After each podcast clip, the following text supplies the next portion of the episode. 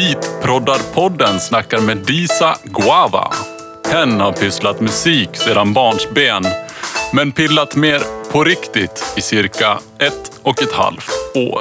Med en hatkärlek till Logic siktas det på att göra bra skit helt enkelt. Hon pillar och donar. Hon släpper nytt titt som tätt. Vi tackar Ylle och Dalapop. Ni lyssnar till Beatproddarpodden med Disa Guava. Välkomna! Ille. Hej och välkommen till Beatproddarpodden. Tänkte att ja, du får väl köra en introduktion. Vem eh, pratar vi med idag? Tack så mycket för det första, att jag får vara med. Det är jättekul. Eh, Jag är Disa Guava och jag är en eh, ja, låtskrivare, producent, Eh, sångerska från eh, Skinnskatteberg från början, där jag också bor nu under sommaren. Men jag har bott i Örebro senaste åren. Nu om några veckor så flyttar jag ner till Malmö.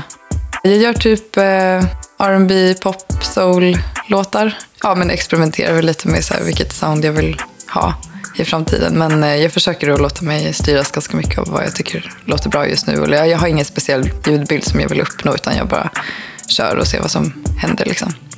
Började släppa låtar i eh, februari, släppte jag min debutsingel. Så jag har inte varit igång så länge, men eh, har väl proddat Eh, ja, alltså jag började ju typ, jag började kanske när jag var så här 17 eller någonting. Då blev jag så introducerad för så här garageband typ och bara åh, det här verkar ju lite kul.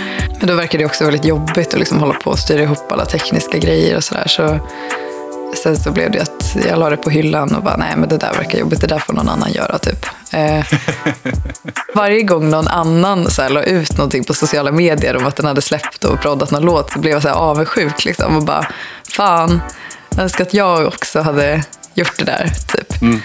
Och då eh, så började jag väl fatta att liksom, aha, okej, men då kanske jag faktiskt ska försöka lära mig det typ.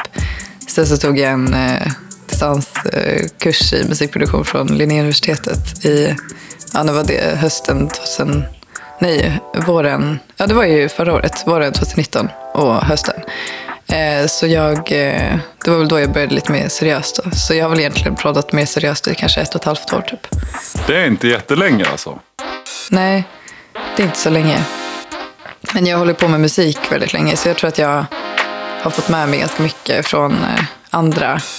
Alltså jag började ju spela instrument och så när jag var liten och ja, men jag har spelat cello länge och liksom eh, sjungit typ alltid. Och så har jag alltid skrivit mina egna låtar. Det känns liksom, det har varit något ganska naturligt.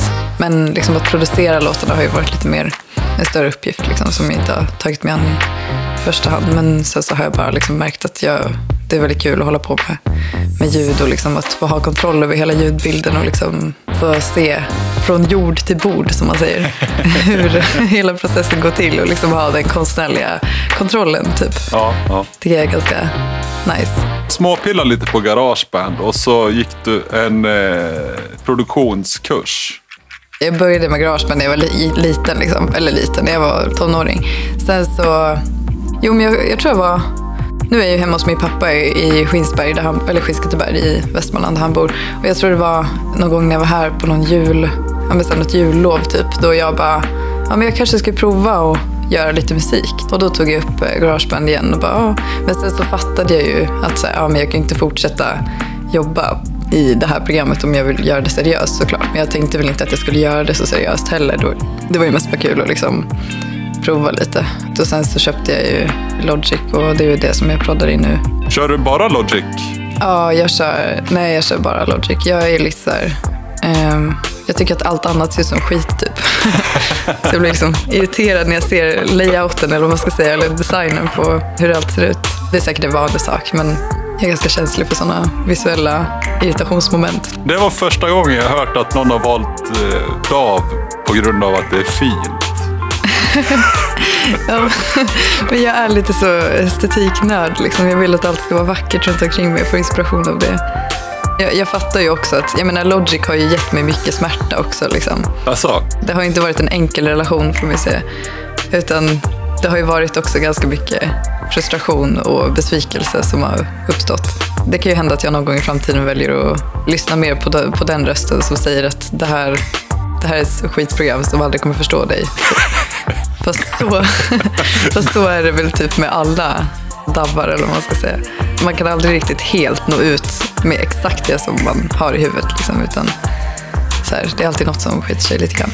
Jag vet inte, jag är också ganska mycket nybörjare så det, det kanske blir bättre. Eller ja, det blir såklart bättre. Det är mycket bättre nu än vad det var för något år sedan i alla fall. Så. När det där med att nå fram till det perfekta resultatet, är det ens möjligt? Går det att komma så långt så att man, fy fan, det här är en perfekt låt? Alltså det är jätteintressant att du tar upp det, för jag har tänkt jättemycket på det där. Man vill ju gärna att det ska bli perfekt. Det är väldigt tillfredsställande saker är perfekta, men jag tror jag mer och mer har börjat tänka att så här, jag låter mig själv liksom eh, på något sätt, eller jag, jag låter väl liksom mina idéer och liksom den musik som kommer visa vägen och är ganska öppen för vad som kan komma. Det är väl sällan som jag har en så här skittydlig bild av exakt så här ska det bli och så blir jag jättebesviken om det inte blir exakt så. Utan jag börjar nog alltid med ganska så här öppen, öppet sinne och sen så utvecklas ju en bild av så här, ja men nu tror jag att det, jag vill att det ska bli ungefär så här. Och då vill man ju, då är det ju som du säger, då vill man ju verkligen bara, ja nu, nu måste jag få till det här soundet som jag har tänkt. Liksom. Och särskilt kanske om man har proddat någonting och skickat på mix till någon annan så blir det liksom supertydligt att om jag vill att det ska låta så här så kanske, kanske inte den personen fattar helt. Eller liksom mm. tar lite tid innan, innan man helt har kommit överens om hur det ska låta. Typ. Men du skickar på mix, du mixar inte själv då? Både och. Jag har mixat själv och skickat på mix. Så jag provar mig fram lite, ser vad som funkar bäst. Fördelen med att mixa själv är ju liksom att man har ju full kontroll över hur man vill att det ska vara. Man kan ju sitta och pilla med små saker in i det sista. Liksom, om man skickar på mix till någon annan är det ju liksom så här. Eh, jo, det är ju jättebra, men nu har jag bara den här lilla, lilla saken vid 0.26 som jag skulle vilja att du... Och så blir det liksom lite jobbigt typ. Eller jag har, jag har bara liksom låtit andra mixa på, eh, på distans. Jag har inte suttit med när någon har gjort det liksom, i så fall. Alltså, antingen har jag mixat själv eller så har jag skickat det på mix till någon annan och liksom, som har suttit själv. Mm.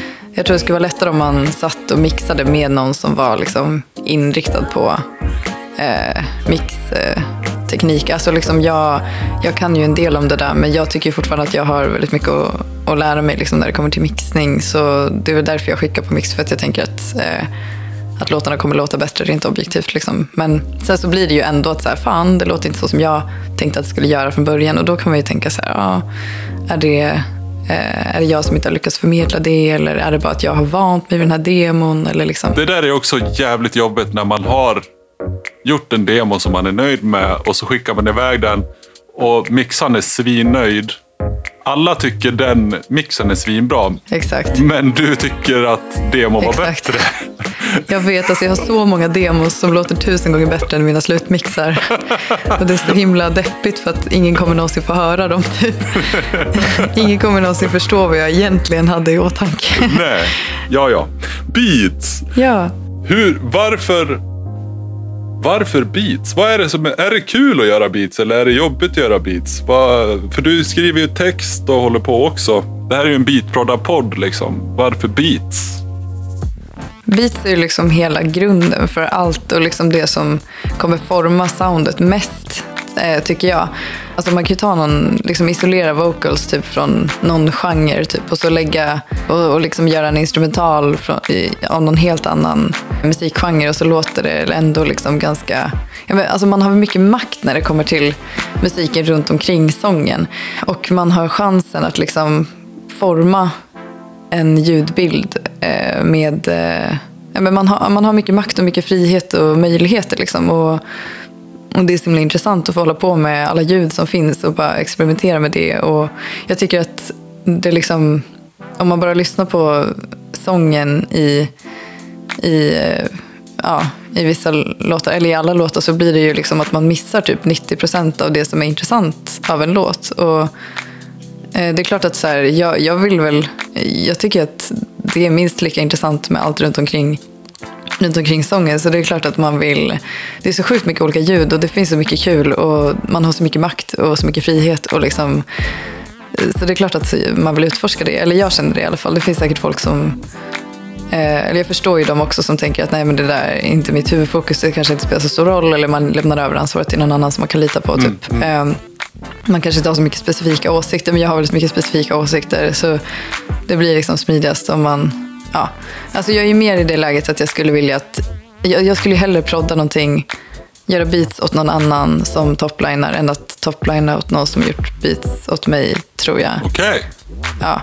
Men det är det som är grejen. Man hamnar i den där typ fällan på något sätt när man, så här, när man toplinar på sina egna grejer och sjunger och så, så blir folk så här det är typ folk som kontaktar mig och bara “jag har beats till dig”. Jag bara “jag behöver inga beats från dig”. Typ. Jag kan själv. ja, men exakt. Verkligen kan själv. Ja, ja. Att så här, nej men jag behöver ju ingen producent. Det är ju snarare så här, jag vill ju snarare att artister ska höra av sig till mig och vill att jag ska prodda dem. Liksom. Mm. Men det, det är som att folk inte fattar det om man, om man sjunger på sina egna beats. Liksom. Du är sångerska och därför kan du inte göra beats. Därför hör alla producenter av sig typ. Ja, men typ så. Ingen fattar att du gör dem själv. Eller? Jo, alltså, nej, jo, jo, alltså vissa fattar ju det, men alltså folk kanske inte utgår från det. Liksom. Nej. Det är uppenbart att jag sjunger själv, att det är jag som liksom är, jag tänkte säga frontfigur, man kan inte vara frontfigur i ett så här enmans, eller en kvinnoband. Nej, men liksom att det, det är ju jag som syns och liksom, i mina musikvideos så är det jag som sjunger. Det är uppenbart, liksom, det är det, mest, det är lättaste att räkna ut. Liksom. Ja. Och så då kan ju vara att folk frågar liksom, vem som har gjort mina beats och sådär. Eller liksom fråga vem som har proddat, eh, om jag har gjort det själv och så. Men jag tror att de flesta, eh, det framgår nog ganska tydligt typ på sociala medier och så att jag gör det själv. För att jag tycker det är kul att eh, dela med mig av, av tankar kring det och liksom de processerna. Typ. Men ser du dig själv som musiker då? Eller proddare eller sångerska? Eller liksom, har du någon... eh, Ehm, jag ser mig som skapare. Det är stort och brett det. Ja, det låter väldigt stort och brett. Det håller jag med om. Eh, men jag tror, att jag, jag tror att det viktigaste för mig är att skapa någonting nytt och att jag liksom får forma, eller liksom... Men jag kanske ser mig lite som så här kompositör, typ. Eller så här, låt, jag vet inte, inte lå, låtskrivare blir så himla... Låtskrivare, då lämnar man ändå ganska mycket åt... Eh, alltså en producent har ju ganska mycket makt, liksom. Men jag ser ju mig som att jag... Åh gud vad det lät förresten lite så här... Vad heter det? Lite högtravande. Bara, jag ser mig själv som skapare och kompositör. Men liksom, jag, ser, jag ser det som att jag, jag vill skapa en ljudvärld. Liksom, och att jag ska få chansen att liksom, tycka till om alla ljud som, som kommer fram i, i en låt. Liksom, och, eh, alltså jag, men just nu, alltså jag, jag, jag identifierar mig mest med att vara, med att vara producent. Fast inte så mycket med liksom att vara typ... Jag identifierar mig inte att vara typ mixare. Men producent. Alltså det jag trivs mest med är ju typ att bestämma vilka ljud som ska vara var och liksom arra upp grejer och liksom... Det är det jag tycker är mest intressant. Fast jag gillar väldigt mycket att toplina också. Och liksom, men jag ser mig absolut inte som sångerska i alla fall. Så I början var det verkligen så ja men Nej, men typ min debutsingel Osagt som jag släppte i februari, då var det lite så här, ja, jag har skrivit den här låten men jag är inte säker på att det är jag som ska sjunga den. Liksom. Det kanske ska, borde vara någon annan som har bättre sångteknik typ, som ska sjunga den här. Men sen så blev det ändå att jag gjorde det själv för att jag, ja, jag vet inte vem som annars skulle göra det och ändå lite kul. Liksom, och ändå format ett sound med min röst som jag tyckte passade på den låten. Och liksom, även om jag egentligen tycker att så här, alltså jag har inte den så ideala rösten för den musik som jag gör. Jag skulle egentligen vilja ha en så djup rb röst liksom, men det har jag ju inte. Nej, nej, nej. Eh, så det är ju lite tråkigt. Men liksom, samtidigt är det så här, ja, men då är det ingen som låter exakt som jag. Det kanske inte är någon som, jag vet inte. Ja, man vill ju ändå vara unik på något sätt liksom, och embracea det som man själv har som är, som är speciellt. Typ. Och inte försöka låta som alla andra och göra något som redan har gjorts. Liksom. Ja, det är svårt. Ljud. Ja. Vart får du tag på dina ljud? Alltså grejen är att alltså, jag typ lånar ganska mycket ljud från folk. Eh, jag typ känner folk med analoga syntar. Då lånar jag liksom ljud och bara, ah, men kan jag ta den här grejen härifrån? Typ. Min dröm är ju att ha en massa analoga syntar. Men sen så känner jag också att så här, det finns väldigt mycket mjukvaruljud som låter väldigt bra. Som man kan modifiera eh, till att låta ganska genuint. Liksom. Så jag brukar ändå jobba mycket med mjukvarusyntar. Sen när det kommer till trumljud, alltså min värsta mardröm är ju typ att micka upp ett trumset. Det är typ det värsta jag skulle kunna tänka mig. Utan eh, jag använder ju bara liksom samplade, alltså mycket samplade separerade liksom, eh, ljud. Alltså typ så här, jag hittar en kick, jag hittar en snare, jag hittar en hi-hat och så vidare. Och så bygger jag liksom upp det utifrån det. Jag samplar liksom inte hela trumspår för jag tycker att det är opraktiskt för att man inte kan isolera alla ljuden liksom, och mixa dem precis så som man vill. Så det är mycket så att jag lägger in separata ljud i en sampler eller drum machine och liksom sen kör. Så jag kan bestämma exakt var allting ska vara. Liksom. Micka ett trumset, hur lång tid tar det? Ju en eftermiddag. Liksom. Men det känns så himla onödigt för att det finns så himla mycket bra ljud som redan någon annan har fixat. Typ. Och jag vill liksom inte så här uppfinna hjulet igen. Alltså, Okej okay, om man kanske vill åt något så här, jag vet inte vad, något kanske så här jazzig eh, någonting. Liksom. Och man kanske har någon trummis som man tycker är svingrym som man verkligen vill fånga soundet hos eller, mm, mm. eller så. Liksom. Men eh, annars är det verkligen, jag jobbar ju aldrig på det sättet. Alltså, vi fick ju göra det i min musikproddkurs, liksom, så fick vi prova att micka upp eh, trumset och liksom mixa det. Och, ja. Men för mig så var det mest bara ett nödvändigt ont. Så att eh, jag eh, håller mig gärna ifrån den biten. Liksom. Men folk kan ju vara såhär, ah, men vill inte ha riktigt trumset? Jag bara, absolut inte. Glöm det. men sen kan det ju vara liksom så här, för jag kanske träffar någon svingrym trummis som jag bara, wow, det här går inte att återskapa liksom, i en dator. Och då kanske jag känner att, så här, men shit, jag vill verkligen fånga det här. Men hittills så har ingen trummis imponerat på mig på det sättet. Jag har inte fått chansen liksom, att jobba med dem på det sättet. Jag skulle absolut inte kunna spela in det själv. Liksom. Jag är absolut ingen jag skulle inte kunna sitta och liksom spela ett beat liksom på trummor. Det är ju fett svårt. Då måste man ju vara teknisk. Då måste man ju vara liksom, trumslagare. Eller, ja. Men vi får se om jag stöter på några sådana ja. mystiska varelser. Eller hur? Ja, trummisar är konstiga säger de. Beatmakare är ännu konstigare. Beatmakare är ett väldigt fint ord faktiskt. Du gillar det? Ja, jag tycker det är jättefint. Det är verkligen en försvenskad version av beatmaker. Beatmakare. Makare. Ja, ja och vad heter det då? Proddare? Beat? Ja, typ. Alltså beatmaker, det är ju verkligen så hiphopens version av proddare. Liksom. Absolut, det är ju bara MPC och... Ja, ja, precis. Jag menar, man säger inte att man är beatmaker ifall man jobbar med typ så här jazz. Liksom. Nej, nej. Jag tror typ, jobbar man med liksom pop eller så, då kanske man mer är så här trackmaker. Typ, för det är så mycket, jag vet inte. Alltså jag tänker att ett beat, gud vad svårt, vad är egentligen skillnaden mellan ett track och ett beat? Ett track kan ju vara liksom både sång och det runt omkring. Fast man säger ändå typ att man skickar track till någon eller skickar ett beat till någon. Ja, jag vet inte. inte heller. Lite luddiga. Ja, okej, vi behöver inte gå in så mycket på det kanske. du gillar analoga syntar ändå? Ja, det gör jag. Jag gillar ju soundet av det. Liksom. Jag tänker trummor. Om man gillar analoga syntar borde man gilla live-trummor på något sätt. För jag tänker VST-syntar idag finns ju hur mycket som helst. Mm Rhodes-piano, det, det är 25 papp. Liksom. Alltså det som jag tror jag tycker känns jobbigast med att köpa analoga syntar är att jag inte har någon garanti för hur de känns och låter. Att det blir liksom den här...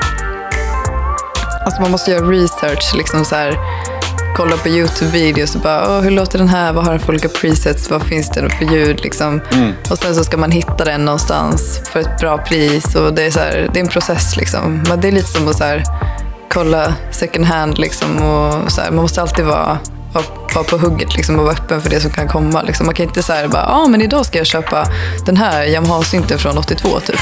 Och sen så bara går man ut och hittar den och bara, bam, klicka häng den. Liksom. Det är inte så det funkar utan det är verkligen så en process. Liksom. Ja. ja, det är inte jättelätt. Nej, men jag tänker också, för mig har det också handlat om, det har varit så praktiska, praktiska liksom, hinder med så plats och liksom, pengar. Och, ja, jag vet inte om det kommer bli så mycket bättre på plats och pengafronten någonsin, men ja, vi hoppas det. Nej, det kanske är svårt att tjäna stora pengar på musiken du pysslar med. Men man pendlar liksom mellan att tänka så här, ja men fan jag har så jävla bra grejer, alltså jag kommer ju bli stor liksom. Mm. Eh, och att tänka så här, det är ju för fan ingen som bryr sig.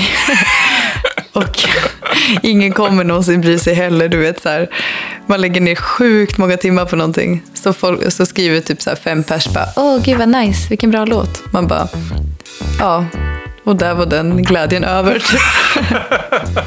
Då hade man fått sin cred för de månaderna man har lagt ner. Typ. Ja.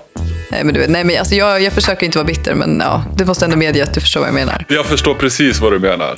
Jag förstår mm. precis. Alltså när man har hållit på och hållit på och hållit på och man har tweakat och man har donat och man har fixat och man liksom Exakt. Man har hållit på så jävla hårt och så får man tre likes och fyra plays på YouTube. Precis. Så spännande var det. Det mest irriterande är att ju längre man håller på, ju mer man gör, desto mindre uppmärksamhet och uppskattning får man.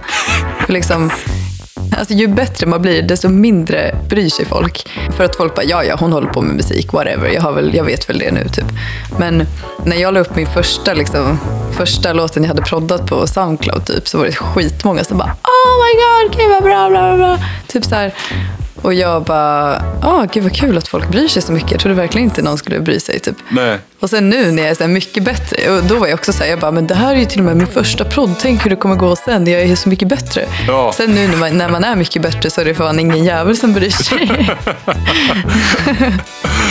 Det här är en teori jag har. Det är att om du är en perfekt sångare med perfekta beats och det klaraste, bästa, krispigaste ljudet, då är det för snyggt. Då, då blir det så...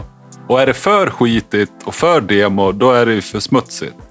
ja men precis, det gäller verkligen att hitta den där mellanvägen på något sätt. Ja, och ah, jag vet inte fan, det är skitsvårt alltså. Ja, verkligen. Gud vad skönt att eh, du förstår mig. Man måste liksom göra sig mänsklig för sina lyssnare tror jag och liksom på något sätt, eh, ja. men alltså det blir ju liksom på något, ifall folk inte vet att man har gjort musik innan och sen så delar man någonting, då blir det så här, "Ah, den här personen eh, som jag känner som, jag vet inte, min kusin eller min klasskompis eller hon som eh, jobbade på skolan där jag gick eller jag vet inte. Då blir det ju att så här, folk bara, ah, hon kan också göra musik. Men ifall man redan liksom har musik som sin tydligaste identitet så blir det liksom mindre intressant på något sätt för folk tror jag. Att här, det gäller att man liksom är mänskliggjord på andra sätt liksom, för att folk ska vara intresserade av skapande. Typ. En ganska ofärdig tanke men ja, Under process. ja under process får vi säga. Man får inte vara för duktig, man får inte vara för dålig. Men alltså, det finns ju sångare som är helt värdelösa som, har, som bokar Globen. Liksom. Ja, jag vet, men det handlar inte om det. Det handlar ju om kontakter och tur och liksom pengar kanske rätt ut sagt i vissa fall. Och... Hur mycket tur och hur mycket skills. Alltså det är ju grind. Alltså det är ju, jag tror verkligen, eller jag tror att folk lyckas på olika sätt. Liksom. Jag tror vissa bara föds, det kan ju vara någon som så här, eh, ja, men så här classic exempel på folk som bara glider är väl typ så här ifall någon typ har en inom citationstecken bra röst eh, och sen så typ lägger den upp något så här klipp någonstans där den sjunger och så blir den upptäckt typ. Ja. Ehm, den grejen finns ju liksom. Och sen så blir den liksom guidad och folk skriver låtar och så vidare åt den. Och den är kanske med i, jag vet inte vad, någon, något tv-program eller något och sen bara swish, eh, ja, springer iväg liksom. Men sen finns det ju folk som på riktigt bara grind i typ så här 20 år eh, och är svingrymma liksom. Och sen helt plötsligt bara, ah, okej, så är det dens uthållighet som gör att på något sätt någon gång eh, så kommer man igenom på något sätt liksom. Ja. Oavsett liksom hur bra det går för en objektivt, liksom, enligt andra, så måste man ju alltid ha liksom, sitt eget syfte. Det ju, blir ju liksom... Annars blir det ju så att man börjar tänka så här, ah, men den här låten gick mycket bättre än den. Vad var det folk gillade? Då ska jag göra mer av det. Alltså, det blir ju helt katastrof. Liksom, då börjar man ju anpassa sitt skapande efter vad folk vill ha. Det blir ju liksom värsta kapitalistmarknaden eh, av det. Liksom. Och bara, ah, men det är ju det här som så här, efterfrågas på marknaden. Då skapar vi det. Det är ju wack. Liksom. Alltså, jag tänker att eh, man måste liksom... Jag känner lite så här att jag gör, min, jag gör min grej. Och sen ifall folk gillar det så är det fett. Ifall folk inte gillar det så är det synd. Liksom. Men då är det så här... Det är inte som att jag kommer anpassa min musik efter vad folk vill höra. Det känns ju lite... Ja, in, inte som en så bra grej, tycker jag. Helt rätt tycker jag. Man ska ju göra det för sig själv. Om man gör det för att man ska få likes på Instagram, då, då finns det bättre saker att göra. Ja, men exakt. Det finns mycket lättare saker att göra också. Ja, gud. Alltså jag skulle ju sitta och TikToka hela dagarna ifall jag ville liksom så slå igenom snabbt, typ. Eller något sånt. Men det är ju så här, vem fan pallar det liksom, när man är 25? Man fattar ju inte hälften av det som händer där. Liksom. Man känner sig som 70 bast, typ. Man bara, äh, vadå? Va? Jag fattar inte. Eh, allt går fort. Det blingar och plippar och pluppar och färger och allt vad det är. Liksom. Överallt. Man blir helt förvirrad. Eh, Så här, när jag går in på TikTok så känner jag mig, alltså jag, all, jag känner mig aldrig så gammal som när jag går in på TikTok. Jag har inte ens TikTok. Det där finns en hel marknad där att göra låtar om att man inte förstår TikTok. Ah, smart. Men det är så här, det känns, ja, man kanske ska börja göra lite mer hum- humoristisk musik. Ja. Lite mer så här skämt. Ja, det skulle också vara kul. Jag är ju jättesugen på att börja rappa mer. Jag har gjort det lite grann, alltså liksom på skämt. Eller på skämt, nej, men liksom, jag har inte släppt någonting där jag har gjort det. Testat lite liksom. Ja, men precis. Jag tycker att det är väldigt kul. Jag tycker typ det är roligare att rappa än att sjunga egentligen. Och då kan man ju ställa sig frågan varför jag inte rappar och varför jag sjunger istället. Men det blir typ som att jag tänker att ja, men jag kan ju sjunga så då borde jag göra det. Typ. Ja, Eh, fast jag egentligen kanske tycker att det är roligare att rappa ibland. Jag vet inte. Men eh, vi får väl se om det blir något. Jag tror jag ska utforska det lite mer. tycker jag absolut. Gött att ha lite stöd. Ja, vill, man, vill man ska man, vill man inte ska man skita i det. Nej, men precis så är det ju i grund och botten. Då hoppas vi på en, eh, en hiphop-rap 12 då, från dig då. Ja, vi får se om det kommer någon sån. Om att TikTok är komplicerat. Exakt. Du, eh, vilka är bra på att göra beats? Vilka tänker du, fucking hell, den här, det här är så jävla feta beats alltså. Ja, Har du någon? alltså grejen är ju att liksom... Eller för det första så vill jag bara säga att det här är den frågan som jag är mest nervös för. För att jag bara, jag kommer inte kunna svara på den här frågan. Jag tänkte att du kommer säkert ställa den frågan. Ja, för det är en typisk så här, nördfråga. Liksom, så här, vilka är den största influensen när det kommer till, eh, till det? Liksom. Ehm, Ja. Och eh, alltså det är ju liksom så här. Allvarligt talat så är det ju, jag har ju inte koll på vilka som har proddat de beatsen som jag tycker är nice. Utan det är ju så här ofta att jag bara, ja ah, men den här artisten var ju bra. Och sen så är det typ kanske i efterhand som jag har fattat, så, aha okej. Det är ju inte såklart den som har bestämt att det ska vara de här beatsen. Du vet så här, innan jag började prodda själv så hade jag ju så här, eh, så här, artister som jag tyckte var nice. Och då tänkte jag ju mycket på grund av så här, att jag tyckte det var fett på grund av prodden. Men jag har ju liksom inte tänkt på att det är inte artisten som har proddat det som, eh, som den sjunger på. Liksom. Nej, nej. Du har ingen riktig koll på det här då? Nej, inte så mycket liksom. Eh, utan det är mer så här, jag har koll på så här, artister jag tycker är nice. Men eh, vilka som har proddat deras grejer har jag inte alls lika bra koll på. Liksom. Jag tror det är överhängande för de flesta att man har koll på liden, men eh, själva människan bakom. Men det är tror- ju det. Mm. Ja, Det är det som är så hemskt och det är det jag inte vill. Liksom, jag vill ju inte att folk ska tänka så om mina grejer. Liksom. Men ändå tänker jag så om andras grejer. Jag bara, åh. Så här, jag lyssnar på någon låt av någon och så bara, den här är så himla bra. Sen så bara, fast egentligen typ så här basslingan som jag gillar i den här låten och den har ingenting med så artisten att göra. Typ. Så jag bara, varför ger jag cred till den här artisten när det är typ någon annan som har suttit och bestämt så här, vad som ska vara runt omkring och det är det som, som jag egentligen tycker om. Liksom. ja. Så alltså, ja, jag, jag vill typ inte namedroppa folk. Liksom. Jag tycker att det känns lite eh, jobbigt. Liksom. Jag lyssnar på någonting och så, så kanske jag tycker en låt är skitbra. Och så kanske inte tycker att resten av den grejer är så himla bra. Och så lyssnar jag liksom vidare på någonting annat. Alltså, jag har inte så tydliga liksom, gurus som jag liksom, eh, förhåller mig till. Jo, jag måste ändå nämna, eh, alltså, det, här- det här är ju inte, det här är ju inte liksom, eh, hiphop. Men eh, vet du vem Ayla är? Det är en eh, soul-tjej va? Nej, hon är mer, alltså nu är hon mer inne i liksom reggae. Men alltså hon är ju svensk, hon bor i Malmö. Hon gör mycket så här, eh, ja gud vad gör hon? Typ, eh, alltså, men hon har väl varit, gjort ganska mycket olika, så här, haft väldigt mycket olika influenser. Alltså allt från, jag vet inte, jazz, hiphop, eh, liksom olika folk. Eh, och nu är hon som sagt ganska mycket inne på reggae tror jag. Men liksom, där minns jag att så här, första, hon släppte en EP och så lyssnade jag på första spåret och jag bara, ingen har någonsin gjort, an, alltså använt liksom percussion på det här sättet som hon har gjort i den här låten. Och jag blev så sjukt så här, inspirerad och bara wow.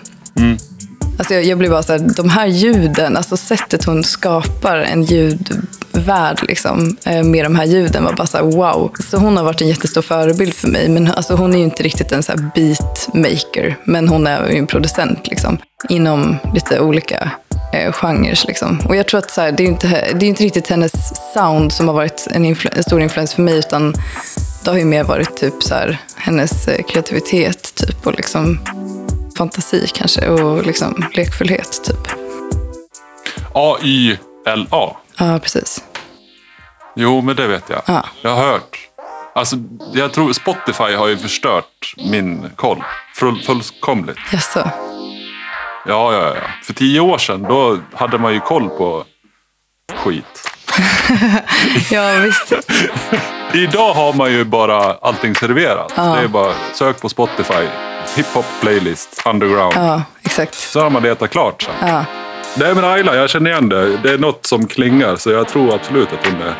Hon är fet. Men det är som sagt, liksom, jag, jag har ingen person som jag skulle, vars sound jag skulle vilja återskapa eller så. Jag känner bara att det finns eh, alltså det finns vissa låtar jag gillar liksom, och sen så finns det producenter som typ Ayla till exempel som jag bara, ja men det här är, den här personen är kreativ och liksom använder ljud på ett intressant sätt. Men det är inte som att jag skulle vilja låta som henne för det. Liksom. Nej, nej, Utan det är bara så här, ja det här är en bra förebild när det kommer till skapande generellt. Typ.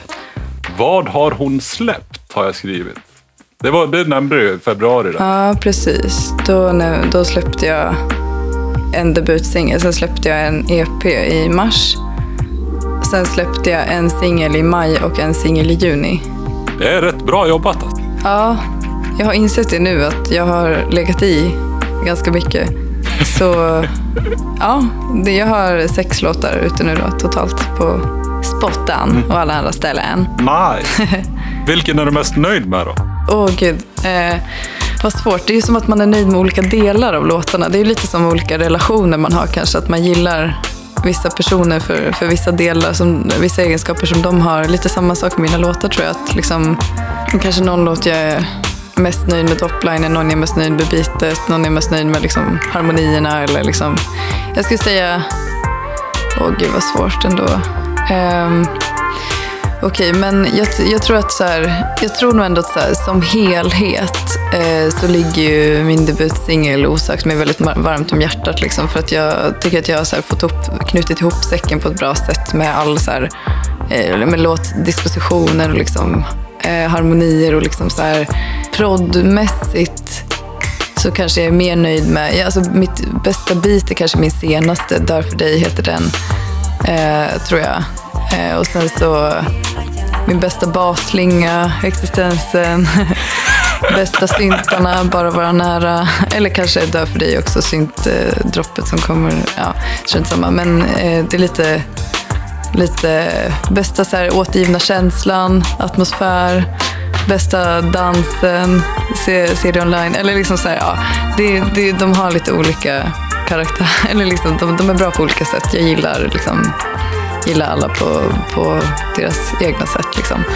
Hur, när vet du att du är klar med en låt? När släpper du det där äh, måste bli bättre? När är du nöjd? Hur lång tid tar det att komma dit? Alltså jag sätter en deadline och sen så jobbar jag fram till dess och sen så är jag klar.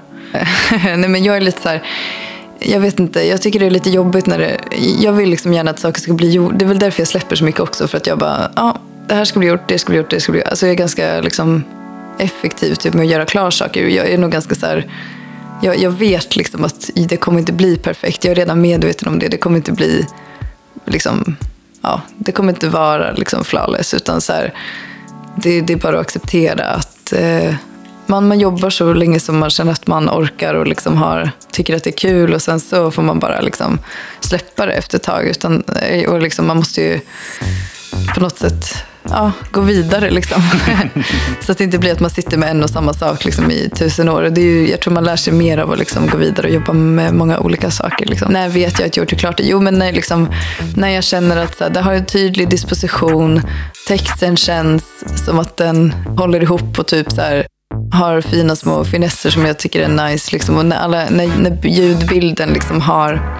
Jag tror jag märker kanske mest på, på liksom själva prodden ifall, ifall, det är någonting som är, ifall det är klart eller inte. För att det är liksom så här, när, när det är klart då känns det som att så här, man har buddit ihop de olika låtens, låtens olika delar på smidiga sätt. Man har liksom fått till små eh, små detaljer eh, vid olika ställen som ju gör att så här, ah, men det här känns som att lyssnaren blir tillräckligt stimulerad och liksom hålls intresserad. Och liksom så här, mixmässigt så är det ju bara så här, ah, men nu känner jag att jag har uppnått det sound som jag känner att jag skulle vilja och eh, allt känns liksom balanserat och, och liksom, ja. Så ja, det, man tar ju del för del liksom och sen så Eh, när man är klar med varje del så går man vidare. Liksom. Och sen när man är klar med master så är det bara ut med skiten. Liksom. Bang Bob, klart. Bye baby, bye. Liksom. som en mamma som vinkar iväg sina barn till skolan. Typ. Hej då. Det känns ju lite som att föda barn och släppa en låt. Varje gång. När jag skulle släppa min EP då hade jag typ tänkt på det i typ nio månader och sen så bara det här är ju typ som en förlossning nu liksom. Den här processen har varit typ lika lång och det är typ lika fint att så få dela med sig till världen av, av sitt alster liksom. Nu vart nog alla föräldrar sur på dig skulle jag tro. Har du någonting på gång nu som börjar bli klart då? Ja, eh, jag har min första collab som kommer upp eh, som jag gjort tillsammans med eh, en svinfet producent och artist som heter Josef Park. Han tog kontakt med mig på Instagram i samband med mitt första släpp och så visade det sig att han typ skickade massa låtar till mig som var typ exakt sånt som jag gillade. Och eh, så skickade han det som han hade gjort och jag bara wow, det här är så fett sound liksom. Och nu har vi typ börjat mercha ihop det vi gör liksom, till att bli någonting helt nytt. Ja, men vi har samarbetat lite under våren och sommaren och nu så har vi liksom en låt som är klar. Och eh, som vi har liksom proddat och toplinat tillsammans och spelat in. Alltså vi har liksom båda proddar och båda eh, toplinar och båda sjunger. Liksom. Så det blir väldigt så här jämställt arbete liksom, där båda gör lite av allt typ. Vilket är ganska nice. Och alla uppskattar det man gör också känns det som. Det är ju lite... Och, och kan fattar att det tar tid och... Ja, precis. Så vi ska släppa en låt. Så det får ju folk gärna eh, lyssna på såklart. Så här hiphop soul låt som eh, handlar om eh, typ en relation som håller på att börja liksom vackla lite eller vad man ska säga. Eller så här, det handlar lite om att så här, försöka hitta tillbaka till någon som man har kanske varit nära tidigare och liksom börja glida, ifrån, glida isär med typ pendlingen mellan att så här, vilja vara nära någon och samtidigt typ eh, vilja att den ska dra åt helvete typ.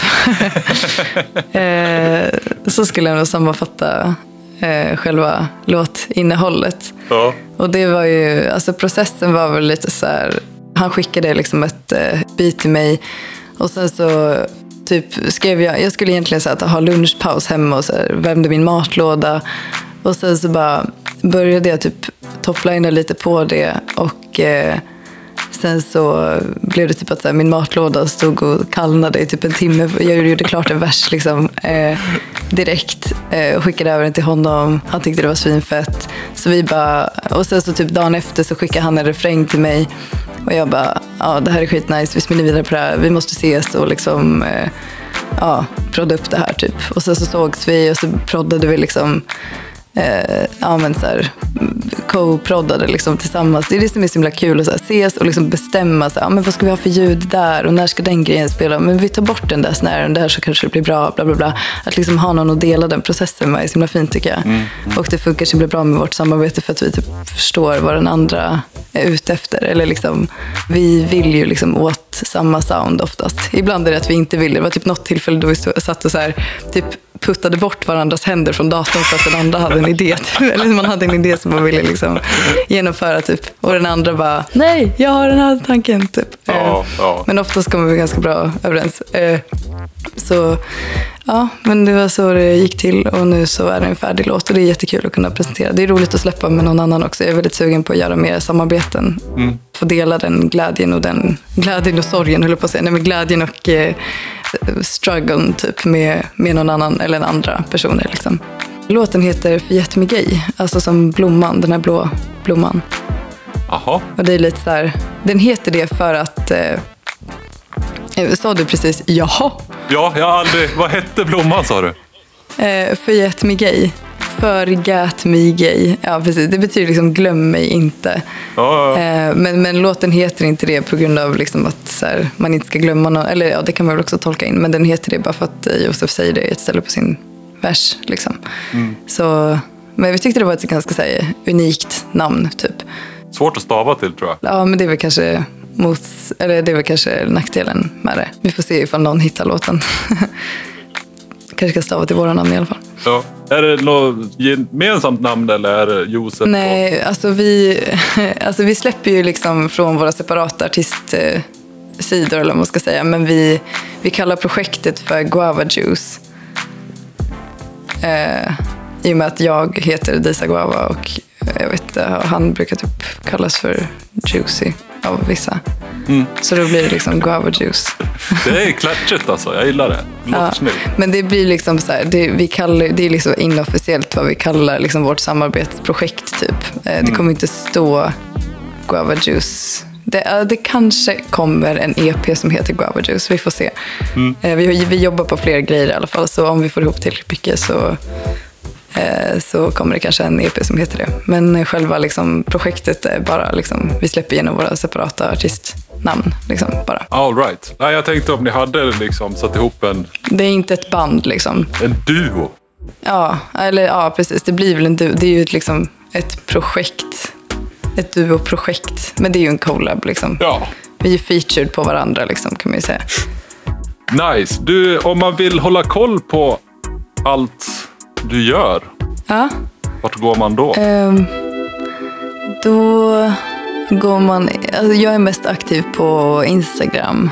Eh, så där kan man söka upp mig med, under namnet Disa med z.guava. Och guava är ju som frukten guava. Ja. Visa guava. Ehm, precis. Eh, så det är ganska enkelt att hitta mig där. Det är inte så många som heter det, tror jag. Nej. Och där, för där lägger jag upp liksom, ja, allt från att jag har typ så varit i skogen med mina vänner till att eh, jag har släppt en ny låt. Liksom. så, Mysigt. Ja, men det är standard Instagram-konto. Det är inte ett artistkonto då direkt. nej, alltså det var ett artistkonto, eller det är väl ett artistkonto kan man väl säga. Jag har ju ett annat privatkonto också, men sen har jag liksom börjat inse att så här, det blir kanske lite kött, lite så mycket för folk om jag bara lägger upp så här Åh, nu har jag gjort det här, jag har gjort det här, gå in och lyssna på det och det, bla bla, jag ska släppa det och det. Alltså jag tänker att så här, folk som följer den kanske vill ha lite paus från alla, alla släppgrejer och liksom se lite så här människan bakom musiken typ. Så jag har börjat göra det till ett mer privatkonto nu. Eh, så ja, man kan väl säga att det är både artistkonto och, och privat. Typ. Men det är offentligt för alla att följa. Liksom. Kul! Tack för hjälpen. Hoppas det går bra och lycka till. Ja, men tack. Tack själv. Illa.